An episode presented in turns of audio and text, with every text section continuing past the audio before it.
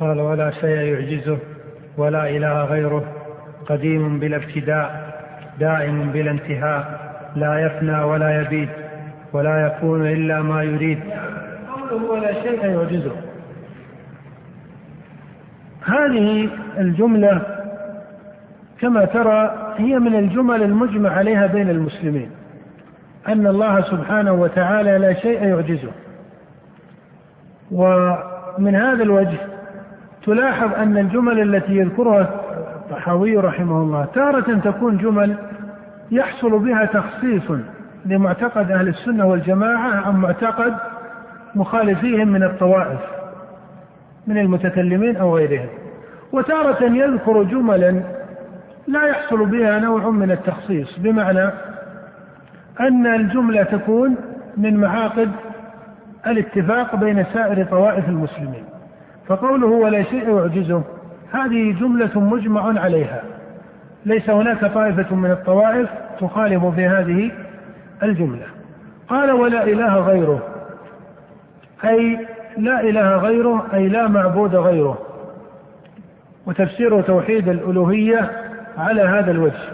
أي أنه لا معبود بحق إلا هو سبحانه وتعالى. وهذا معنى شهادة أن لا إله إلا الله أي أنه لا معبود بحق إلا الله سبحانه وتعالى. ثم قال قديم بلا ابتداء دائم بلا انتهاء. لفظ القديم لم يرد في الكتاب ولا في السنة وهو من الأحرف التي استعملها المتكلمون. وكان ينبغي أن المصنف رحمه الله لا يعبر بها. ولا سيما أن الحرف القرآني المناسب لهذا المقام متحقق فإن الله سبحانه وتعالى لما ذكر نفسه قال هو الأول والآخر والظاهر والباطن وهو بكل شيء عليم. قال النبي صلى الله عليه وسلم كما في الصحيح في دعائه اللهم أنت الأول فليس قبلك شيء وأنت الظاهر فليس فوقك شيء. وأنت الآخر فليس بعدك شيء وأنت الباطن فليس دونك شيء. وقوله وأنت الباطن فليس دونك شيء معناه إيش؟ أما الثلاثة الأولى فظاهرة وأما قوله وأنت الباطن فليس دونك شيء معناه أي لا يخفى عليك شيء. أي لا يخفى عليك شيء. فكان ينبغي أن يقول هو الأول بلا ابتداء أو الأول الذي ليس قبله شيء كما قال عليه الصلاة والسلام. لا كأن لفظ القديم لفظ لم يرد وذاك أن لفظ القديم لفظ مجمل. وهنا نأتي عند هذا الحرف إلى تقرير مسألة وهي أن الله سبحانه وتعالى يوصف بما وصف به نفسه أو وصفه به رسوله من الأحرف القرآنية أو الأحرف والكلمات النبوية. لا بد من الاقتداء بالكلمات القرآنية أو الكلمات النبوية. وأما الأحرف الحادثة أي التي لم ترد في الكتاب ولا في السنة المجملة أي التي تحتمل حقا وباطلا فإن مذهب السلف فيها وأهل السنة التوقف في لفظها والتفصيل في معناها. فعليه كل لفظ مجمل حادث فإنه لا يطلق إثباتا ولا نفيا بل يستفصل عن معناه فإن أريد به ما هو حق قبل وإن أريد به ما هو باطل رد والحرف أي اللفظ يتوقف فيه فإن كان المعنى حقا عبر بالأحرف والكلمات الشرعية. هذه هي القاعدة في الألفاظ المجملة الحادثة. لكن أما الحدوث فمعلوم بمعنى أنه اللفظ الذي لم يذكر في الكتاب ولا في السنة هذا معنى اللفظ الحادث. وأما الإجمال فما المقصود به؟ الإجمال هو أن يكون اللفظ محتملا لغير معنى يقع بين هذه المعاني إيش؟ تضاد واختلاف. فإذا كان اللفظ يحتمل أكثر من معنى مختلفة أو متضادة سمي لفظا مجملا. ينبه في الألفاظ المجملة عند هذه القاعدة إلى مسألة مهمة هي أن الإجمال تارة يكون بأصل الوضع أي بأصل إيش؟ اللغة. وتارة يكون الإجمال موجبه الاستعمال وليس اللغة. بمعنى أن اللفظ تارة يكون مجملا من حيث اللسان العربي. هو في لسان العرب لفظ إيش؟ مجمل. فإذا كان لفظا حادثا ومجملا من جهة لسان العرب فإنه لا يطلق إثباتا ولا نفيا في حق الله سبحانه وتعالى. وكذلك إذا كان لفظا حادثا ومجملا من جهة الاستعمال وإن كان من حيث اللغة العربية ليس ليس مجملا. هناك أحرف مثل حرف الظاهر ظاهر الكلام. هذا الحرف من حيث اللغة العربية ليس مجملا معناه مفصل. لكن لفظ الظاهر في الكلام أي ظاهر الكلام هل هو مراد أو ليس مرادا؟ بموجب الاستعمال أي لما استعملته الطوائف صار إيش؟ صار مجملا. وعليه لما تكلم المتأخرون هل ظاهر نصوص الصفات مراد أو ليس مرادا؟ كان جواب أصحاب السنة والجماعة شيخ الإسلام ابن تيمية وغيره أن لفظ الظاهر لفظ مجمل. السؤال هنا هل هو مجمل بأصل اللغة أم بالاستعمال؟ بالاستعمال وعليه فإن القاعدة المعروفة المقررة أن كل لفظ مجمل حادث فإنه لا يطلق إثباتا ولا نفيا. بل يستفصل في معناه فإن أريد به ما هو حق قبل وإن أريد به ما هو باطل رد. والمعنى الحق يعبر عنه بالألفاظ الشرعية. نقول سواء كان اللفظ المجمل إجماله بموجب اللغة أو إجماله بموجب الاستعمال والاصطلاح. وإن كانت اللغة تقضي بأنه إيش؟ تقضي بأنه بأنه مفصل غير مجمل.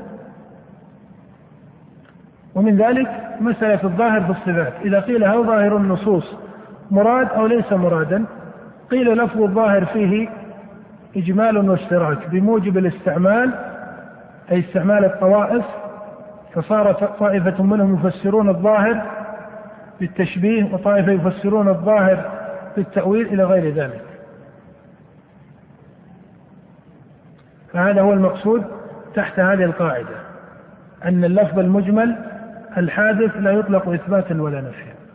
وعليه فإذا عبر عن عقيدة أهل السنة والجماعة بيانا لها فإنه لا يصح في هذا المقام أن تستعمل الألفاظ المجملة وإنما يمكن أن تستعمل الألفاظ المجملة في مقام مخاطبة أهل الاصطلاح الذين لم يعرفوا إلا هذا الاصطلاح. قال الشيخ الإسلام رحمه الله في درء التعارض قال والأصل في هذا المقام الاعتبار بالأحرف والكلمات المذكورة في الكتاب والسنة. ثم قال وأما مخاطبة أهل الاصطلاح باصطلاحهم فإن هذا مما تسوغه الشريعة إذا قام مقتضيه. ما هو مقتضيه؟ بمعنى إذا لم يكن من الممكن إلا أن يخاطبوا بهذا الاصطلاح كالطوائف التي لم تعرف الألفاظ القرآنية والنبوية على التحقيق وإنما استعملت ألفاظا كلامية إلى غير ذلك. فعليه اللفظ المجمل يسوغ استعماله في مقام مخاطبة أهل الاصطلاح باصطلاحهم مع أن المعنى لا بد أن يكون محققا. وعليه فقوله قديم بلا ابتداء أي أن الله سبحانه هو الأول الذي ليس قبله شيء. هذا هو تفسير كلام الطحاوي لكن حرفه ليس بذاك. يعني حرف الطحاوي كان الأولى أن يعبر بالأول الذي ليس قبله شيء.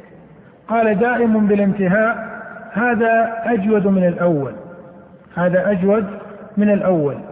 وإن كان لو عبر بأنه الآخر الذي ليس بعده شيء لكان أجود وأصوب لأن هذا هو حرف القرآن.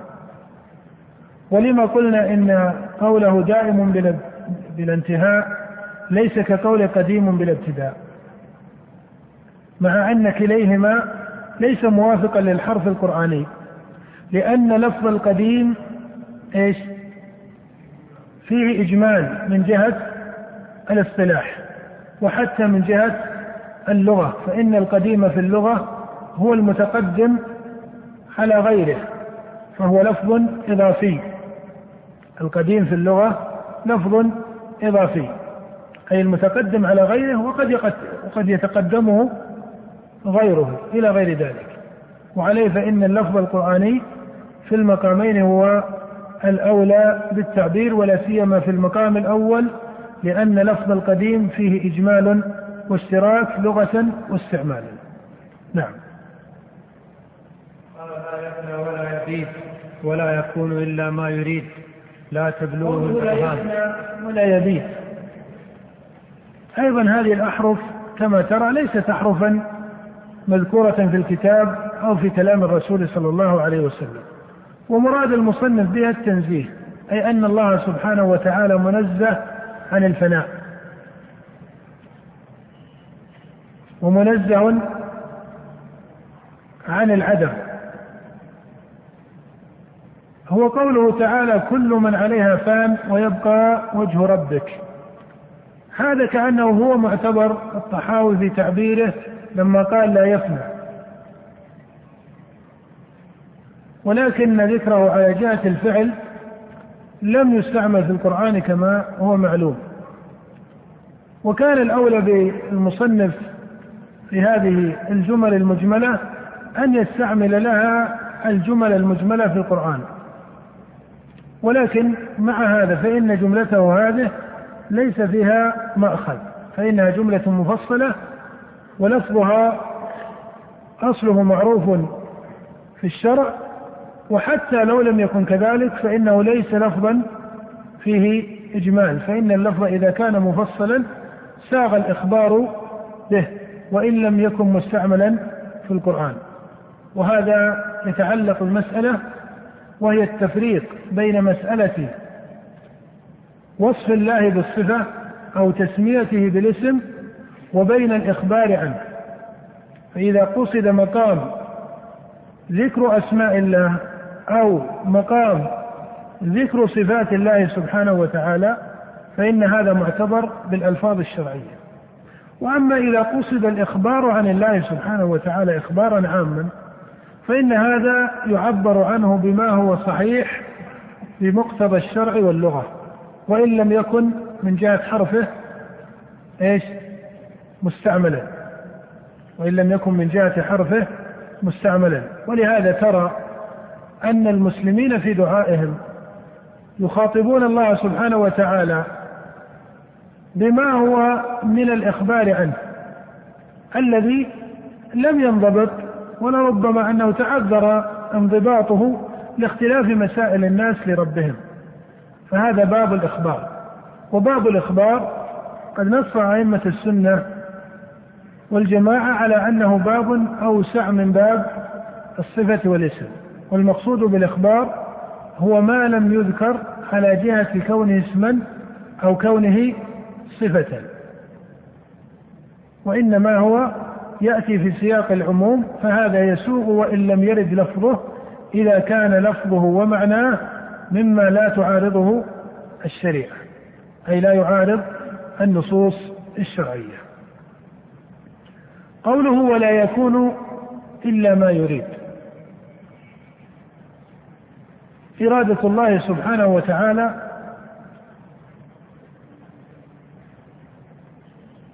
جاءت في القرآن على نوعين.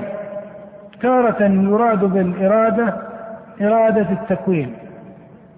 وهي المذكورة في مثل قوله تعالى فمن يرد الله أن يهديه يشرح صدره للإسلام ومن يرد أن يضله يجعل صدره ضيقا حرجا.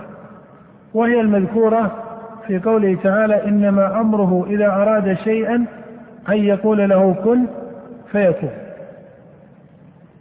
والإرادة الأمرية وهي النوع الآخر والتي تسمى الإرادة الشرعية وهي أمره سبحانه وتعالى لعباده ولا تلازم بين الإرادتين وهي المذكورة في مثل قوله تعالى يريد الله بكم اليسر ولا يريد بكم العسر فهذه الإرادة الأمرية الدينية الشرعية تقع مخالفتها من العصاة إما بالكفر أو ما دونه بخلاف الإرادة الكونية الخلقية وهي إرادة التكوين والخلق والتدبير فإن هذه لا يمكن أن يتخلف متعلقها. فإذا أراد الله شيئا على هذا الوجه فإنه لا بد أن أن يكون. وعليه فإن كل ما يقع وما سيقع وما لم يقع مما يمكن وقوعه فإن الله سبحانه وتعالى قد أراده. أراد وقوع ما وقع وأراد وقوع ما سيقع وأراد عدم وقوع ما لم يقع ولم يقدر وقوعه. فكل شيء بإرادته. وترى أن قوله سبحانه إنما أمره إذا أراد شيئا أن يقول له كن فيكون. هذه إرادة التكوين والخلق. وخلق الله سبحانه وتعالى يقع بمحض الأمر والإرادة ويقع بتوسط السبب. يخلق سبحانه وتعالى بمحض الأمر والإرادة المقطوع عن السبب. وإنه سبحانه وتعالى أنشأ من العدم على هذا الوجه. ويقع بتوسط السبب والمراد بتوسط السبب كخلقه لأفعال العباد. كخلقه لأفعال العباد فإنها بتوسط السبب وهو العبد. وكخلقه للإنسان فإنه بتوسط السبب وهما الأب والأم وما إلى ذلك. فخلقه سبحانه تارة يكون مقطوعا عن السبب وتارة يكون بتوسط السبب ويكون سبحانه هو الخالق للسبب والخالق للمسبب. الخالق للسبب والخالق للمسبب. وهذا إن شاء الله يأتي تفصيله في مسألة أفعال العباد وكيف أن معتقد السلف فيها وهو القول بأن الله هو الخالق لأفعال العباد هو الموافق لمقتضى الشرع واللغة. قال لا تبلغه الأوهام. ولا تدركه الأفهام. ولا تدركه الأفهام. ما الفرق بين الوهم وبين الفهم؟ أو لما عبر بالأوهام والأفهام. الوهم هو ما يفرضه الذهن ويعرض له. والفهم هو ما يتصوره الذهن. وهذا من الأوجه الممكنة في تفسير الفهم والوهم. وإلا لو أخذناها كمصطلحات كلامية أو كمصطلحات فلسفية لطال القول فيها. وإنما المعنى المقارب لمراد المصنف أنه أراد أن يقول إن الله سبحانه وتعالى لا يبلغه تصور الذهن ولا فرض الذهن. والذهن كما يقول شيخ الإسلام رحمه الله يفرض المحال ولكنه لا يتصوره وعليه فإن تصور الذهن أقرب إلى الإمكان من فرضه. فالله منزه عن ما يفرضه الذهن كأشياء يفرضها الذهن مثلا. كأن تقول مثلا من فروضات الذهن حتى تبين ما معنى أن الذهن يفرض المحال. أنت قد تقول مثلث له أربعة أضلاع هذا يسمى إيش؟ تصور الذهن أو فرض الذهن. فرض. الذهن قد يفرض المحالات. ولهذا ترى أن من القواعد التي اعتمدها شيخ الإسلام في رده على المخالفين يقول إن ما ذكروه من الدلائل العقلية كالفلاسفة أو غلاة المتكلمين هي فروضات يفرضها الذهن. قال رحمه الله ولا اعتبار بما يفرضه الذهن لأن الذهن قد يفرض إيش؟ المحال والممتنع وأما ما يتصوره الذهن فإنه ممكن إذا تصوره الذهن تاما فإنه يبقى إيش؟ ممكن الوجود فالله سبحانه وتعالى منزه عن ما يفرضه الذهن وهو الدرجة الأولى من عروض الشيء في الذهن وما يتصوره الذهن وهو المرحلة الثانية التي ينتقل الشيء فيها إلى التصور. فعندك فرض الذهن وعندك تصور الذهن أو فرض العقل وتصور العقل. التصورات العقلية بمعنى الأشياء التي رسم الذهن أو العقل صورتها. واضح؟ أما الفرض فهو المرحلة الأولى التي يعرض فيها الشيء في الذهن. وعليه قد يكون في المرحلة الأولى ممكنا وقد يكون محالا. فإذا ما دخل المرحلة الثانية ومرحلة التصور فرفضت الذهن أن يتصور الشيء دل على أنه إيش؟ إما محال أو أن الذهن عجز عن تصوره مع أنه قد يكون في الحقيقة إيش؟ من الأشياء الممكنة. فهذا معنى قولي لا تبلغه الأوهام. الوهم هي فروضات الذهن. أي فرض يفرضه الذهن فإن الله منزه عنه. ولا تدركه الأفهام. أي تصور يتصوره الذهن حتى ولو كان تصورا كماليا فإن الله إيش؟ منزه عنه وهذا التعبير بعبارات السلف الأوائل هو قولهم إيش؟ كان السلف الأول يعبرون بعبارات كقولهم الروح كما جاءت بلا كيف. هو نفي الكيفية عن الله سبحانه وتعالى. ليس نفي وجود وإنما نفي نفي إيش؟ نفي علم. نقول إن كما قال الإمام مالك في قاعدته المتواترة المتلقاة بالقبول عند سائر أهل العلم قال الاستواء معلوم والكيف مجهول والإيمان به واجب والسؤال عنه بدعة. فقوله الكيف مجهول أي أن الله سبحانه وتعالى لا بد أن لصفاته حقيقة وكيفية. فإن قوله الاستواء لا بد أن لهذا الاستواء حقيقة وكيفية ولكنها مجهولة. ولما قال الإمام مالك الكيف مجهول لو قيل ما دليله على أن الكيف مجهول؟ قيل دليله الشرع لأن الله أخبرنا أنه استوى ولم يخبرنا كيف استوى ودليله العقل من أي جهة من العقل لأننا نقول إن العلم بكيفية الصفات علم إيش؟ ممكن أو ممتنع؟ علم ممتنع لأن الله سبحانه وتعالى لا تبلغه عقول المخلوقين والله سبحانه وتعالى لما ذكر الشيء الذي هو محل النظر فقط. قال لا تدركه الأبصار. أي أنه تراه كما ثبت في الكتاب والسنة وأجمع عليه السلف أن المؤمنين يرون ربهم ولكنهم مع رؤيتهم له إيش؟ لا يدركونه مع رؤيتهم له لا يدركون كما سيأتي شرح ذلك من مسألة الرؤية. فقوله رحمه الله عن الإمام مالك والكيف مجهول. الكيف مجهول بدلالة الشرع؟ لأن الله أخبرنا كيف أنه استوى ولم يخبرنا كيف استوى. ومجهول بدلالة العقل. لما؟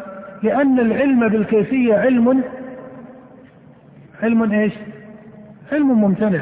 فإن الكيف إنما يعلم إن, إن إنما يعلم إما بالخبر المفصل أو بالمشاهدة أو بالمشاهدة النظير.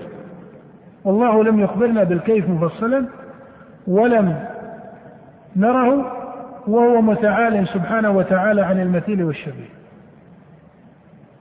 وعليه فإن هذه القاعدة التي ذكرها الإمام مالك من أخص القواعد الشرعية العقلية فهي معتبرة بالعقل أو بالشرع ومعتبرة بالعقل. قال والإيمان به واجب أي أن الإيمان بالخبر ليس مبنيا على الإيمان بالعلم بالكيفية فإن هذا منفك عن هذا والناس يؤمنون بأشياء كثيرة مع أنهم لم يعرفوا كيفيتها. نعم. قال ولا يشبه الأنام. قوله ولا يشبه الأنام لفظ التشبيه جرى ذكره منفيا في كلام الأئمة رحمهم الله لكن لم يستعمل هذا اللفظ في الكتاب أو في السنة. لم يستعمل هذا اللفظ في الكتاب أو في السنة. وهنا فإن التعبير بنفي التمثيل يكون أصح. يكون أصح من جهة أنه هو اللفظ الذي عبر بنفيه في القرآن في قوله تعالى ليس كمثله شيء. وتخصيص المصنف الأنام للذكر ليس هو الأولى. وكان الأولى أن ينفي ذلك مطلقا. إلا إذا أريد أن هذا من باب قياس الأولى فإن الله سبحانه وتعالى كرم بني آدم وإذا كان سبحانه وتعالى منزه عن مشابهتهم فغيرهم ممن دونهم من باب أولى. أو إذا فسر مراد المصنف بالأنام بأن المراد بالأنام سائر المخلوقين فإن هذا الاعتبار يكون ممكنا. نعم. قال حي لا يموت قيوم لا ينام. قوله حي لا يموت. ترى أن المصنف هنا ذكر اسم الحي والصفة المتضمنة له وذكر النفي مع أن الأصل أن اللفظ المفصل إثباتا في القرآن لا يلحق به نفي ما يضاده إلا في الموارد المذكورة في النصوص على هذا الوجه. فمثلا المتكلم أو السميع أو البصير إذا ذكر السميع والبصير فإنه يذكر ولا يلحق به النفي لأن العلم بالنفي علم قاطع من باب أن المتقابلين يمتنع ثبوتهما معا. فلما ثبت أنه سميع علم أنه منزه عن ضد ذلك. لكن المصنف هنا قال حي لا يموت. إنما جرى في هذا السياق لأن الله سبحانه وتعالى قال هو الله الذي لا إله إلا هو الحي القيوم لا تأخذه سنة ولا نوم. فلما حصلت هذه المناسبة بهذا السياق جرى المصنف على هذا الاعتبار. وإلا فإن الأصل أن اللفظ المفصل لا يلحق به النفي الذي يعلم ثبوته معه. نعم. قال خالق بلا حاجة رازق بلا مؤونة. قوله خالق بلا حاجة. هذا اللفظ وهو لفظ الحاجة. هو لفظ مجمل حادث. أما أنه حادث فإنه لم ينفر في الكتاب ولا في السنة. وأما أنه مجمل فهو مجمل هل هو باعتبار اللغة أو باعتبار الاصطلاح والاستعمال؟ ونرجع إلى القاعدة التي قيلت قبل. لفظ الحاجة لفظ مجمل باعتبار الاستعمال. كيف ذلك؟ علماء الأشاعرة لما تكلموا في مسألة الحكمة في إثبات حكمة الله. لم يصرح أحد من كما يقول شيخ الإسلام ابن تيمية في رده على ابن المطهر بمنهاج السنة لما قال ابن المطهر إن بعض طوائف السنة ينفون عن الله الحكمة. قال شيخ الإسلام في رد على ابن المطهر الرافضي قال وأما قوله إن بعض طوائف السنة ينفون عن الله الحكمة قال فإنما يريد به مذهب الأشعرية. قال ومع هذا فإن الأشعري وسائر أصحابه ما نطق أحد منهم بنفي لفظ الحكمة. قال بل هذا لا يعرف عن أحد من المسلمين. وإن كان حقيقة مذهبهم نفي الحكمة لكنهم لا يعبرون بنفي الحكمة. هذا يرجع إلى المسألة التي نحن بين يديها وهي أن علماء الأشاعرة لما أرادوا الكلام في مسألة الحكمة من المعروف في العقل والشرع أنه لا يمكن لأحد أن يقول إن الله ليس موصوفا إيش؟ بالحكمة. هم فسروا الحكمة بالإرادة أو بتفسير آخر لكن جمهورهم يفسرونها بالإرادة. معنى الحكمة الذي هو مقتضى اللغة سماه الأشاعرة غرضا وحاجة وصار تجد في كتبهم يقع فصل أن الله منزه عن الأغراض والحاجات. ترى في كتب الأشاعرة كثيرا فصل في أن الله منزه عن الأغراض والحاجات. مرادهم بالحاجات إيش؟ والأغراض. هو معنى الحكمة المعروف في كلام السلف رحمهم الله. وإذا ذكر الأشعرية الحكمة فسروها بمحض الإرادة والمشيئة. وأما معناها فإنهم ينفونه ولكنهم ينفونه تحت اسم إيش؟ الغرض والحاجة. وعليه فقول المصنف خالق بلا حاجة. هذا حرف فيه تردد. هو لو أخذنا اللفظ حسب مصطلح اللغة أو حسب وضع اللغة العربية فإن الجملة تكون جملة مناسبة أو غير مناسبة. إذا أخذنا لفظ الحاجة حسب وضع لغة العرب تكون الجملة مناسبة أو ليست مناسبة؟ تكون الجملة مناسبة. حتى ولو كان اللفظ لم يرد في القرآن نقول هذا من باب إيش؟ ها؟ أحسنت. من باب الإخبار. والخبر إذا كان صحيحا ولفظه في اللغة صحيح لا يلزم لا يلزم التصريح به في الكتاب أو في السنة كلفظ. لكن هذه الجملة نقول إنها جملة فيها نظر لأن لفظ الحاجة صار يراد به عند الأشاعرة وكثيرين من المتأخرين نفي الحكمة والتعليم في أفعال الله سبحانه وتعالى. وعليه فقول خالق بلا حاجة هذا حرف فيه نظر. بل يقال هو الخالق وهو مستغن عن خلقه ولكنه خلق الخلق لحكمة لا بد من التفصيل. وأما ذكر لفظ الحاجة فهذا هو الذي جعل بعض شراح الرسالة يفسرون ذلك بأنه خلق الخلق ليس لحكمة أو لعلة. هم ما يقولون لحكمة لكن يقولون ليس لعلة إنما لمحض المشيئة. والله سبحانه وتعالى خلق كل شيء لحكمة فكل خلق وكل أمر فإنه لحكمة. ذلك أنه سبحانه وتعالى له الخلق وله الأمر فله الخلق كله وله الأمر كله. وله الأمر من قبل ومن بعد. كما في قوله تعالى ألا له الخلق والأمر.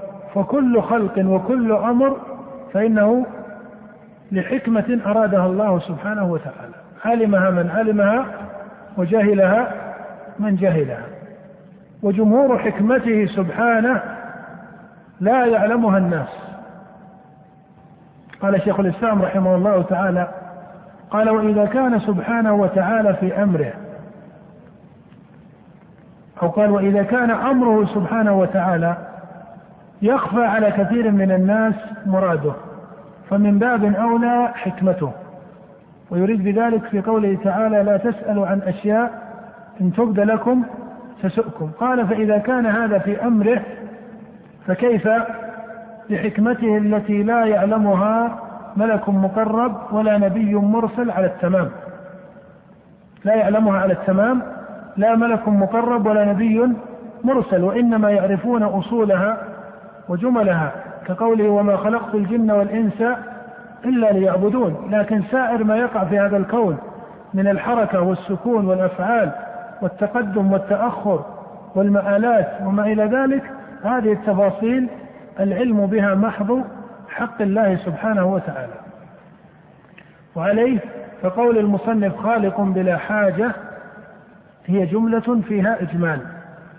الظن والمتحقق أن الطحاوي رحمه الله مراده بها المراد الصحيح لكن اللفظ من حيث هو لفظ كان ينبغي أن لا يعبر به لأن الإجمال دخله من جهة الاصطلاح حيث أن الأشاعرة إذا نفت الحكمة عبرت في الجملة بأحد لفظين إما الغرض أو الحاجة. قال رازق بلا مؤونة. أي أن الله سبحانه وتعالى هو الرازق وأنه يرزق من يشاء. ومسألة الرزق تكلم المعتزلة فيها من جهة. هي أن رزقه سبحانه وتعالى هل هو سائر ما يقع لعباده حتى ولو كان العبد كافرا. فيقال هذا رزق الله أم أن الرزق لا يضاف إلا إلى من آمن به؟ فخص طائفة من المعتزلة الرزق بأنه في حق من آمن به. قال شيخ الإسلام رحمه الله وهذا تخصيص مخالف لإجماع السلف بل رزقه سبحانه وتعالى لسائر من خلق من بني آدم وغيرهم ممن آمن منهم ومن كفر فإن سائرهم على رزقه سبحانه وتعالى. نعم. قال المؤلف عليه رحمة الله خالق بلا حاجة رازق بلا مؤونة مميت بلا مخافة باعث بلا مشقة ما زال بصفاته. أما قوله خالق بلا حاجة فتقدم القول فيها. ثم قال المصنف رحمه الله مميت بلا مخافة باعث بلا مشقة. الجمل التي تقدم ذكرها إلى هذه الجملة سائرها جمل مجملة متفق عليها من حيث القاعدة بين سائر طوائف المسلمين.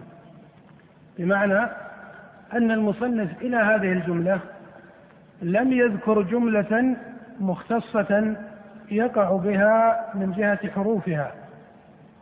التمييز لمذهب السلف عن غيرهم. بل سائر هذه الجمل وإن كان السلف يقرون بها إلا أنه ليس هناك طائفة من طوائف المسلمين تبطل أحد هذه الجمل من جهة حروفها المذكورة في الرسالة. صحيح أن الطوائف قد تتأول بعض هذه الجمل أو قد تفسر بعض هذه الجمل تفسيرا يختلف مع تفسير السلف لها. لكن من حيث الألفاظ فإن سائر هذه الجمل يقر بها سائر المسلمين وإن كانوا قد يختلفون في مناطاتها. مثلا قاعدة أن الله سبحانه وتعالى مستحق للكمال في صفاته أو أن الله مستحق للكمال منزه عن النقص.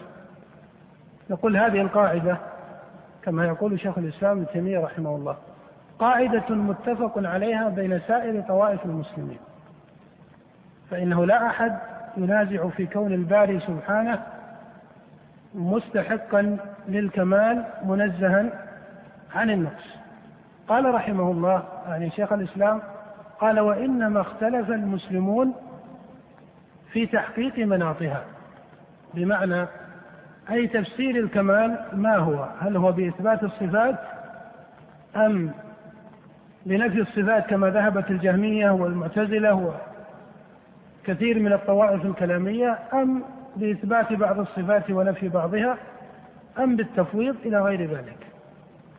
فإذا الجمل التي تقدمت هي جمل صحيحة ولكنها من الجمل المجملة التي ليس بين طوائف المسلمين نزاع حولها. ثم قال المصنف وقوله مميت بلا مخافة أي أن الله سبحانه وتعالى هو الخالق وهو المحيي وهو المميت. وفي مسألة الإماتة يقال إن الموت عند أهل السنة والجماعة كما حكى الإجماع عليه غير واحد منهم الإمام ابن تيمية رحمه الله أن الموت مخلوق وهذا هو ظاهر القرآن والسنة. فإن الله سبحانه وتعالى قال تبارك الذي بيده الملك وهو على كل شيء قدير الذي خلق الموت والحياة فجعل الموت أحد مخلوقاته. وكذلك ثبت عن النبي صلى الله عليه وسلم كما في الصحيحين أنه قال يؤتى بالموت يوم القيامة على صورة كبش أملح فيذبح بين الجنة والنار. فالموت مخلوق خلافا للفلاسفة الذين زعموا أن الموت مسألة عدمية محضة. فهذا يقال في مسألة الإماتة. وعلى هذا أهل السنة وجمهور الطوائف الكلامية.